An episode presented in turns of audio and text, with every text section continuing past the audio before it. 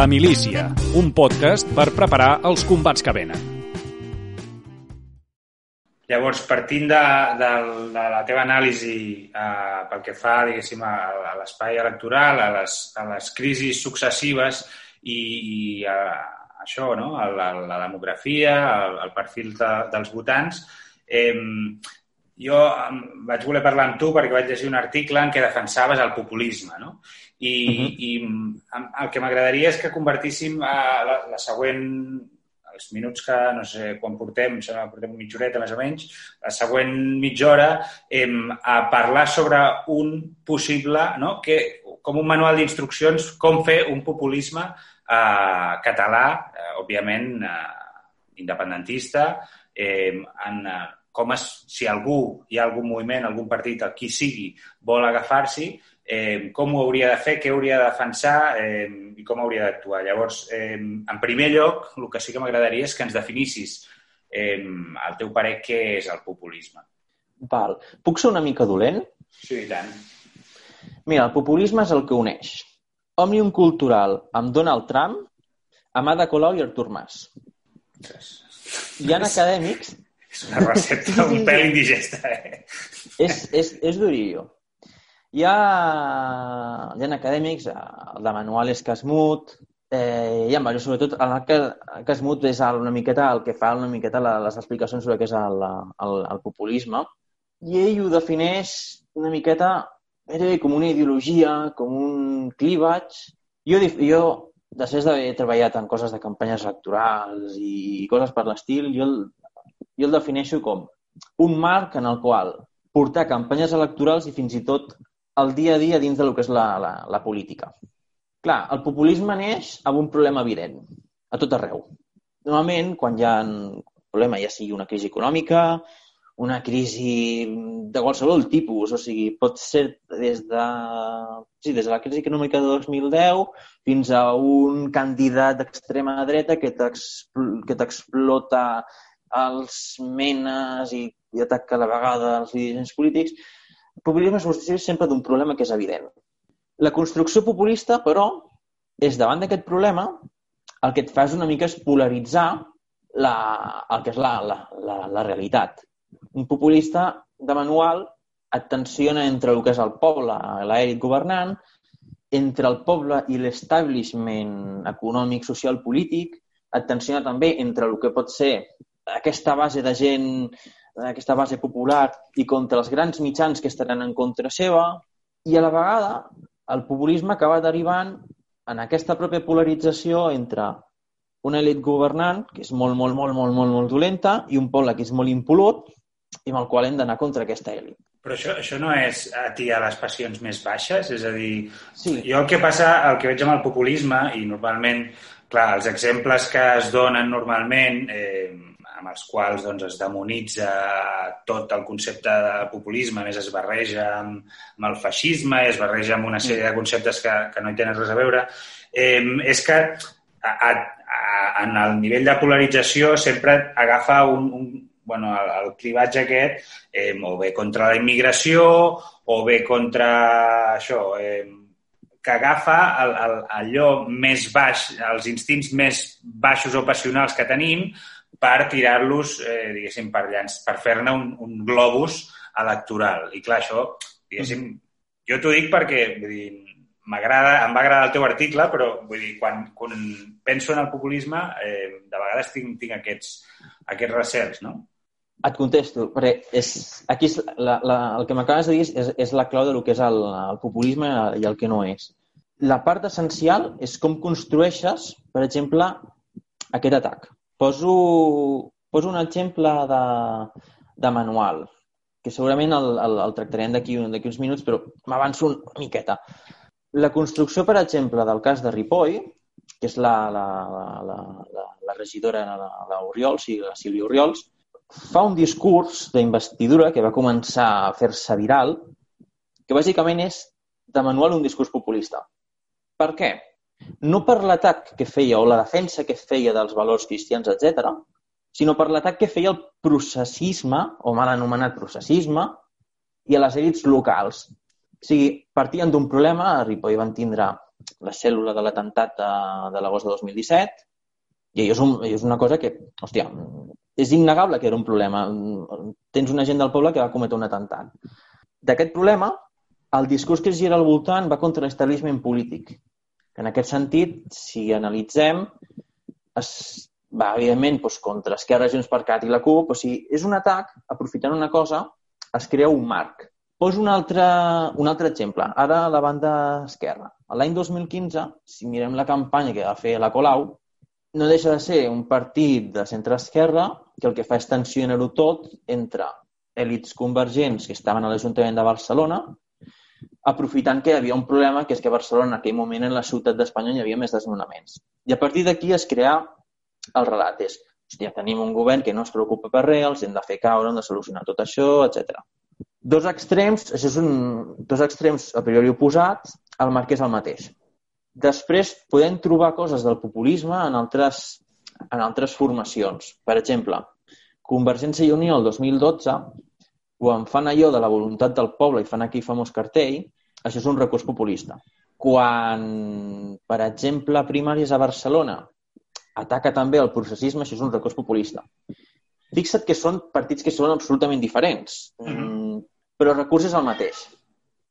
I en el cas d'Òmnium, tot això de les lluites compartides no deixa de ser una herència de lo que va promoure la clau a nivell teòric i no deixa de ser herència postgramsciana. Què va passar? Com que es van adonar tots els gramscians que tot això de l'hegemonia, si no guanyes unes eleccions, de poc et serveix, van dir, ostres, anem a ocupar posicions de poder, anem a crear aquí una jugada anti-establishment i a la vegada, mentre estem fent aquesta jugada contra el poder, nosaltres anem ocupant altres posicions a nivell social doncs per quan arribem i ocupem, bé sigui el govern de torn o l'agència municipal de torn, ja tindre tota una base de quadres i poder aplicar les nostres polítiques públiques. Clar, això implica, evidentment, és una jugada bastant més, bastant més complexa que al final no deixa de ser doncs, posar quadres en llocs de poder per tindre'l tu i tindre doncs, a una base ben finançada. Llavors, Tot eh... això també és populisme. Per això he dit al principi que és el que unia a, a Unió Cultural a, amb Trump i amb Colau i amb, el, i amb Artur Mas. És sempre, és més un marc. Aquí també el problema és que molts cops, quan es diuen coses que bé no agraden a un partit polític o a un grup de gent, es diu que és populisme, però al final no deixen de ser un posicionament polític que, com que no agrada, el que no agrada acaba sent ja de populista. Però això no és populisme, això al final és un recurs que, que utilitzen doncs, per desprestigiar. I això també ho veiem molts cops en el, en el dia a dia quan es pren una, alguna decisió. Llavors, la, la meva pregunta és la següent. Si, diguéssim, tu has analitzat el, el sistema polític català, dius que eh, al voltant del 2023, eh, pel, per les seves pròpies dinàmiques, eh, pel context eh, polític general, per la crisi econòmica, etc i, i també pel, pel perfil de, electoral doncs, dels votants, etc eh, aquest cicle eh, s'acaba. Eh, llavors la pregunta és, eh, per què creus que el populisme o un populisme, un moviment populista català independentista pot fer forat en el panorama, en el, en el cicle nou, en el cicle el nou que s'obrirà a partir del 2023. El pot fer de dues maneres. O et sorgeix dintre dels partits, perquè, de fet, per exemple, el cas de Puigdemont, molts cops també té un rerefons populista, i no ho dic en sentit tampoc despectiu, sinó a nivell de creació de, de lideratge, o pot sortir per les decisions que hi hagi al voltant del món convergent. O, millor dit, el món sociològicament convergent o dins de lo que són les coses que giren al voltant de l'independentisme tradicional, que és el cas de Ripoll. Perquè Ripoll, les transferències de vots, si mirem més a mesa, ens adonarem que el cas d'Oriols les seves fonts de vot són 50-50 entre Esquerra i Junts per Cat. I és l'únic eix que queda per sortir, a aquest punt populista. No sé si serà bo o dolent. Com que és una construcció, al final depèn de, de, del que està fent, a nivell ideològic i no de, de la construcció. Però és l'únic que queda.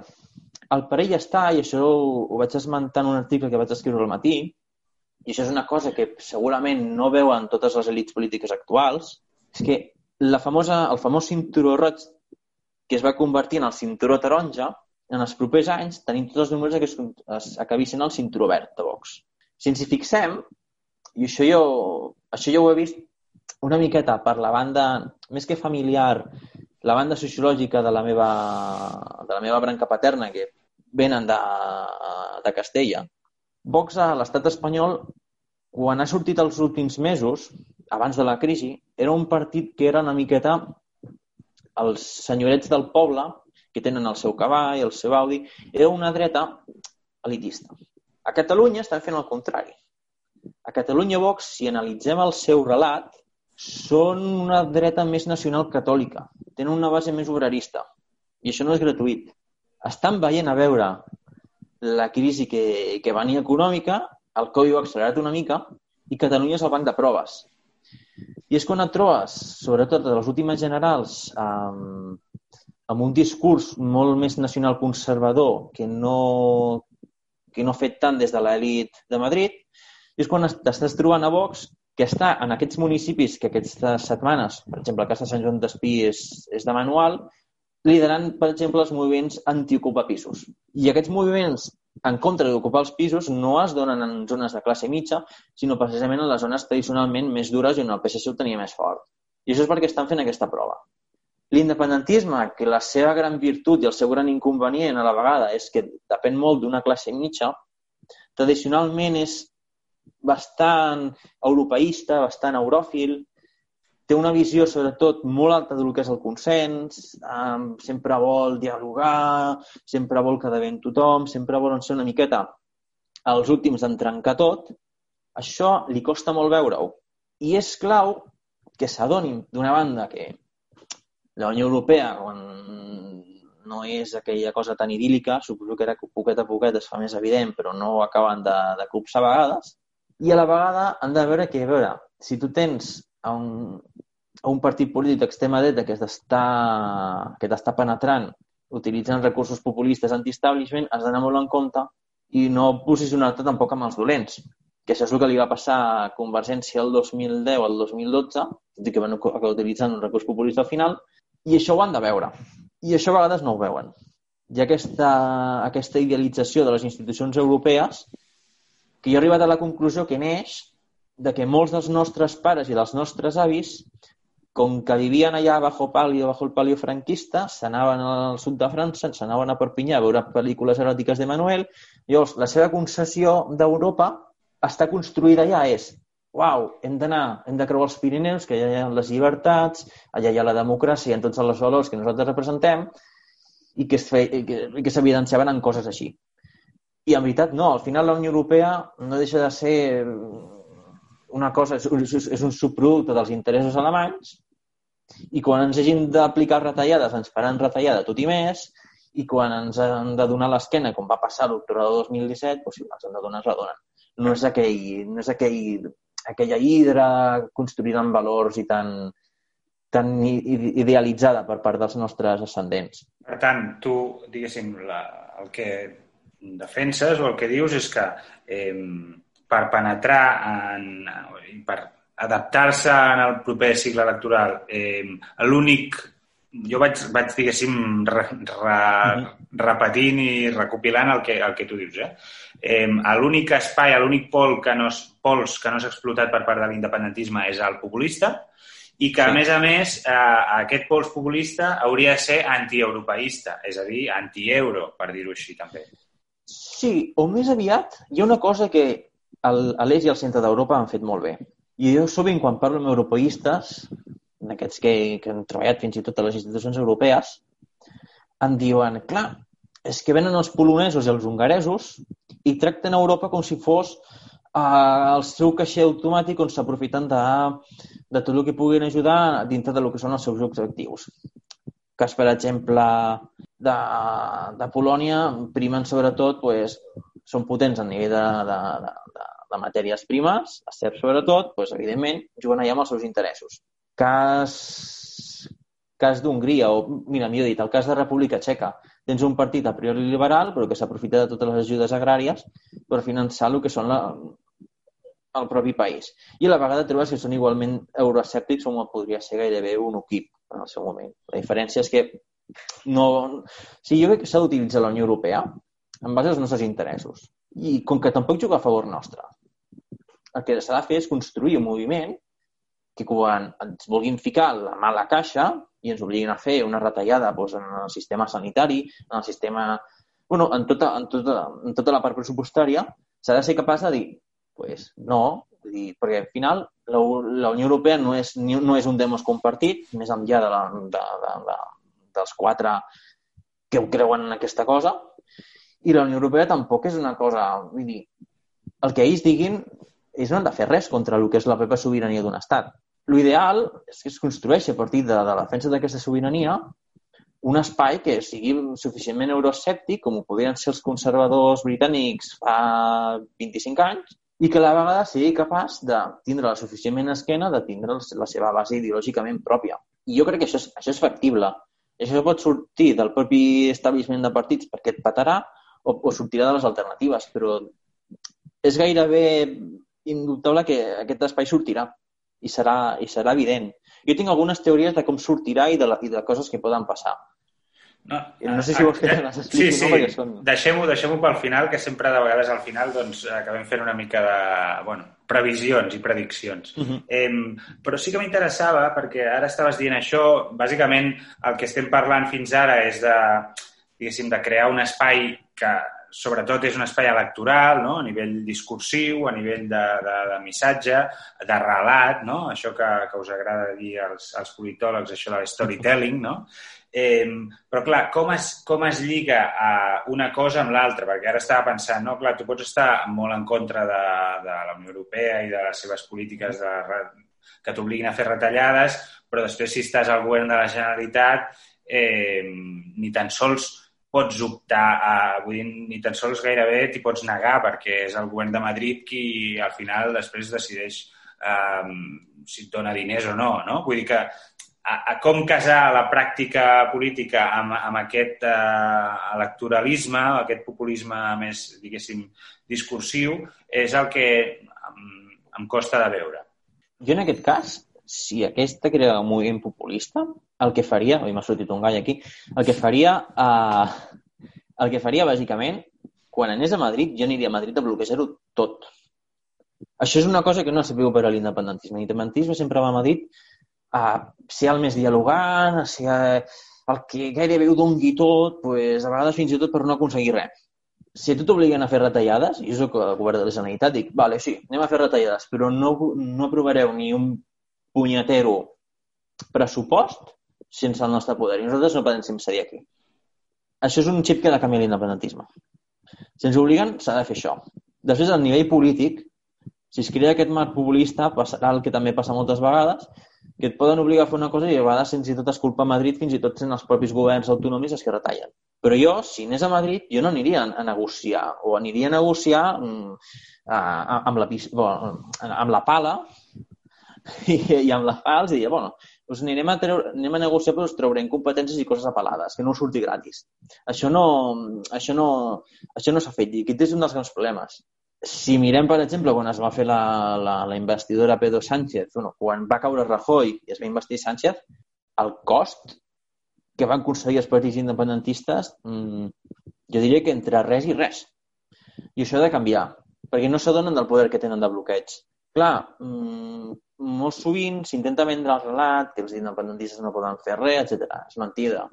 Si tu tens les, les tres formacions actuals mínimament coordinades, poses fins i tot a la resta de formacions que t'estan aprovant coses amb el PSOE en un problema, perquè tampoc es volen tacar amb el PP i amb Ciutadans.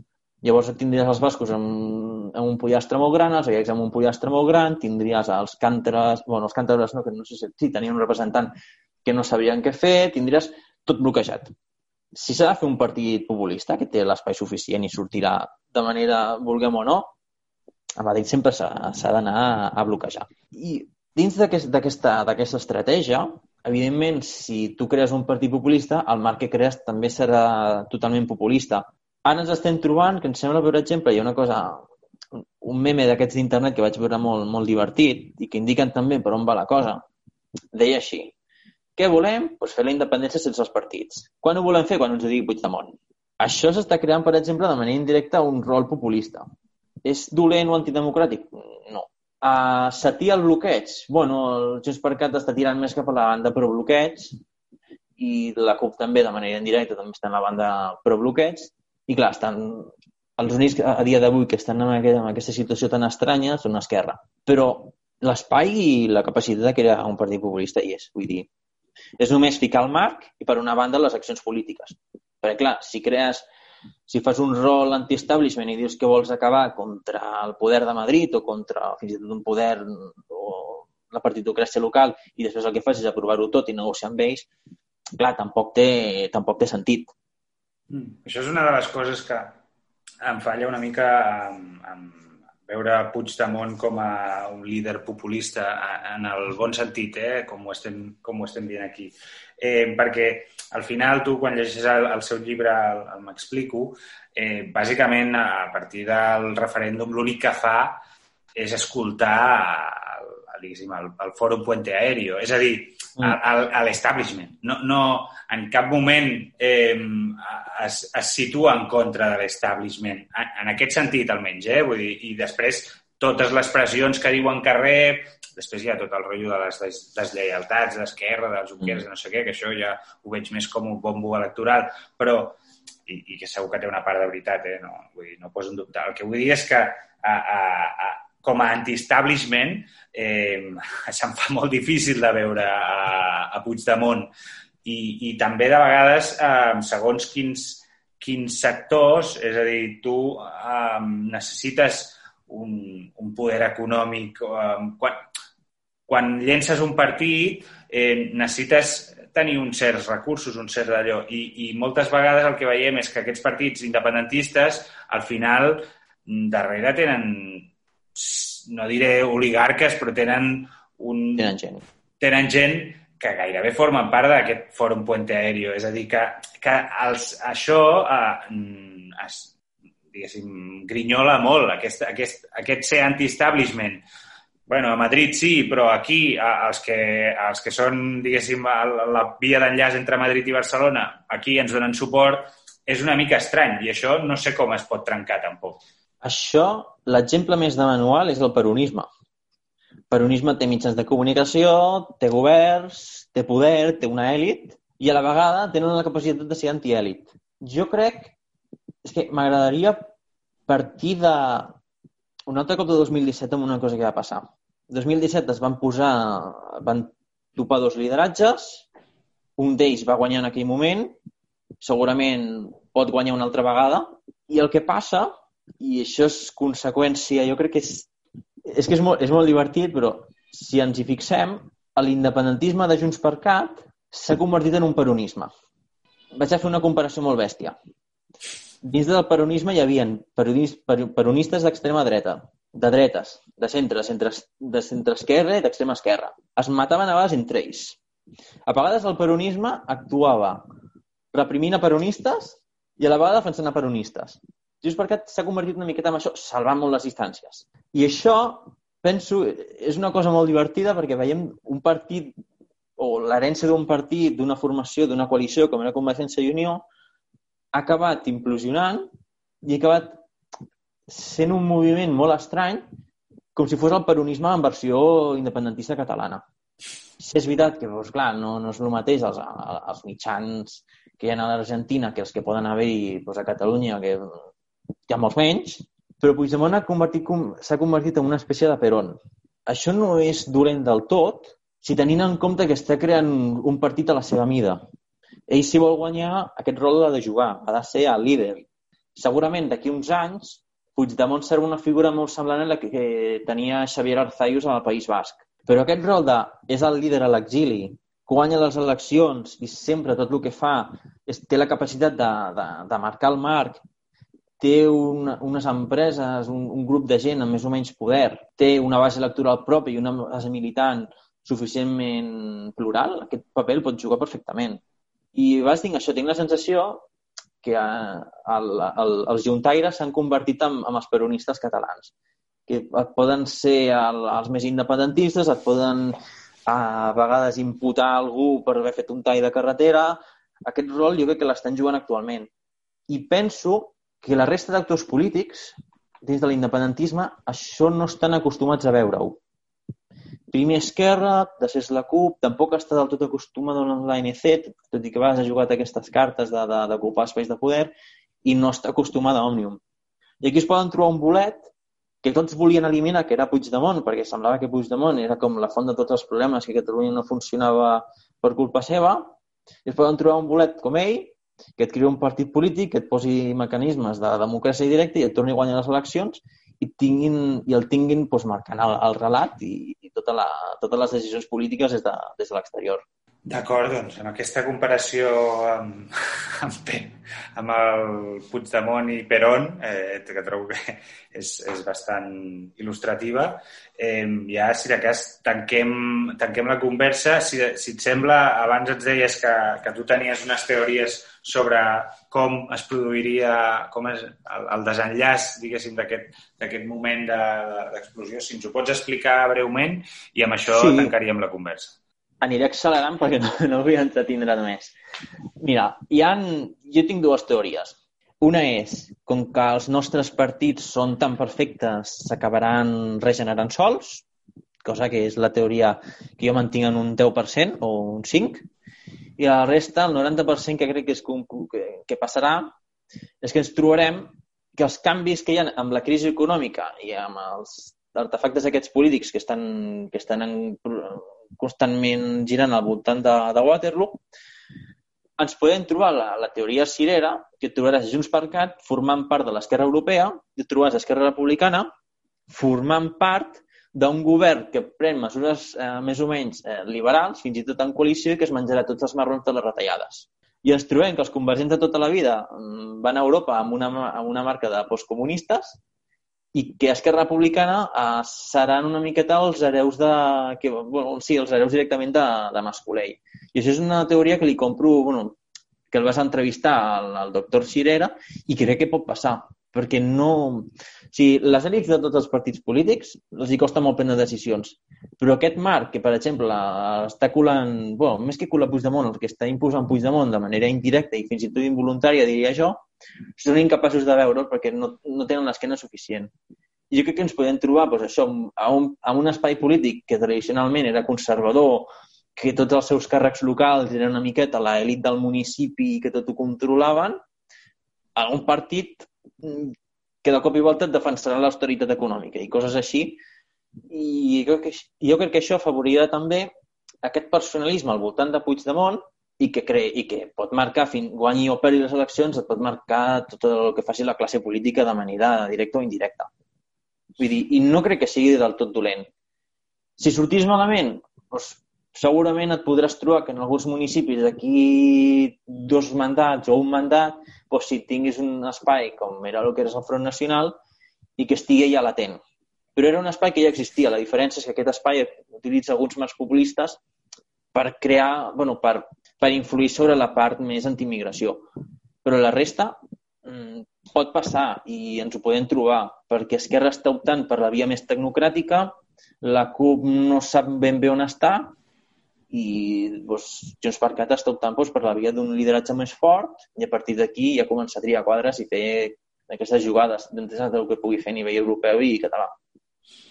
Molt bé, doncs així com a conclusió pel que, el que veig és que més que diguéssim, el sorgiment de, de nous partits eh, o nous moviments, que suposo que tampoc ho descartes, tu el que, el que, el que dius és que és el mètode, no? Entès el populisme com a, com a mètode, com a marc d'aplicació polític, en el qual, doncs, qui més qui menys, siguin els actors existents o siguin de nous, s'hi acabarà, eh, ho acabarà utilitzant per, per, per formar, bueno, per, per formar majories o per formar, bueno, per, per guanyar vots, diguéssim.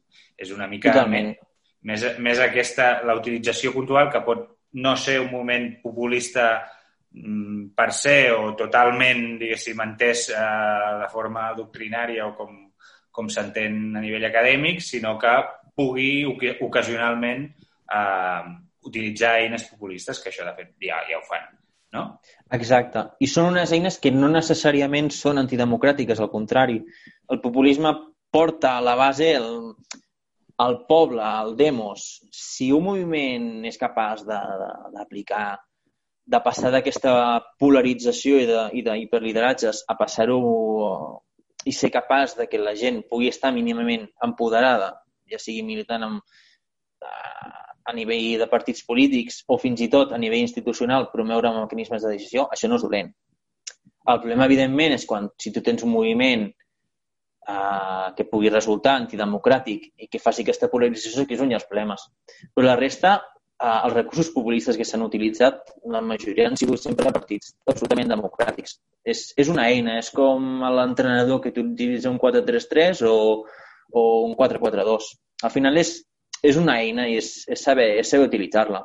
No és... Jo sóc dels que defensen que el populisme no és dolent, sinó és simplement una cosa més i que s'ha de...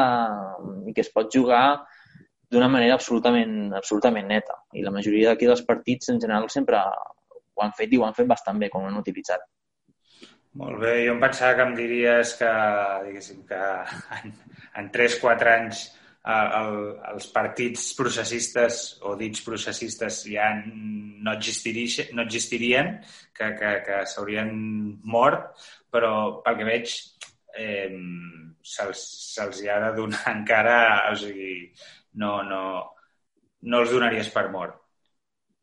No, uh, no es donarien tots morts, però es poden trobar que els hi surti un tercer o un quart actor. De fet, això és el que els hi va passar a nivell municipal en primàries, que en alguns municipis hi han sortit com a bolets, que, que em sembla que és Granollers, per exemple, però pots trobar que si els partits que giren al voltant de l'establishment són capaços de manera indirecta de menjar-se'ls, que això es pot fer si, el partit, si qualsevol partit s'obre lo suficientment, se'ls poden menjar, però ens podem trobar que en el millor dels casos, si, eh, si l'establishment polític no es posa al dia, que la millor situació sigui partir com les anteriors municipals, i les anteriors municipals no van ser bones per l'independentisme.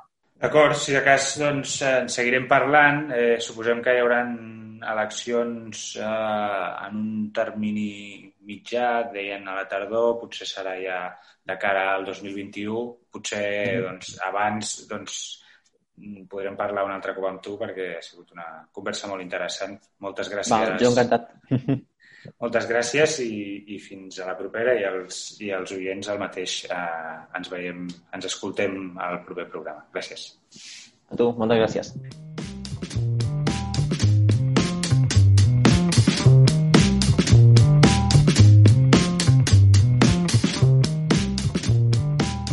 La milícia, amb Josep Asensio.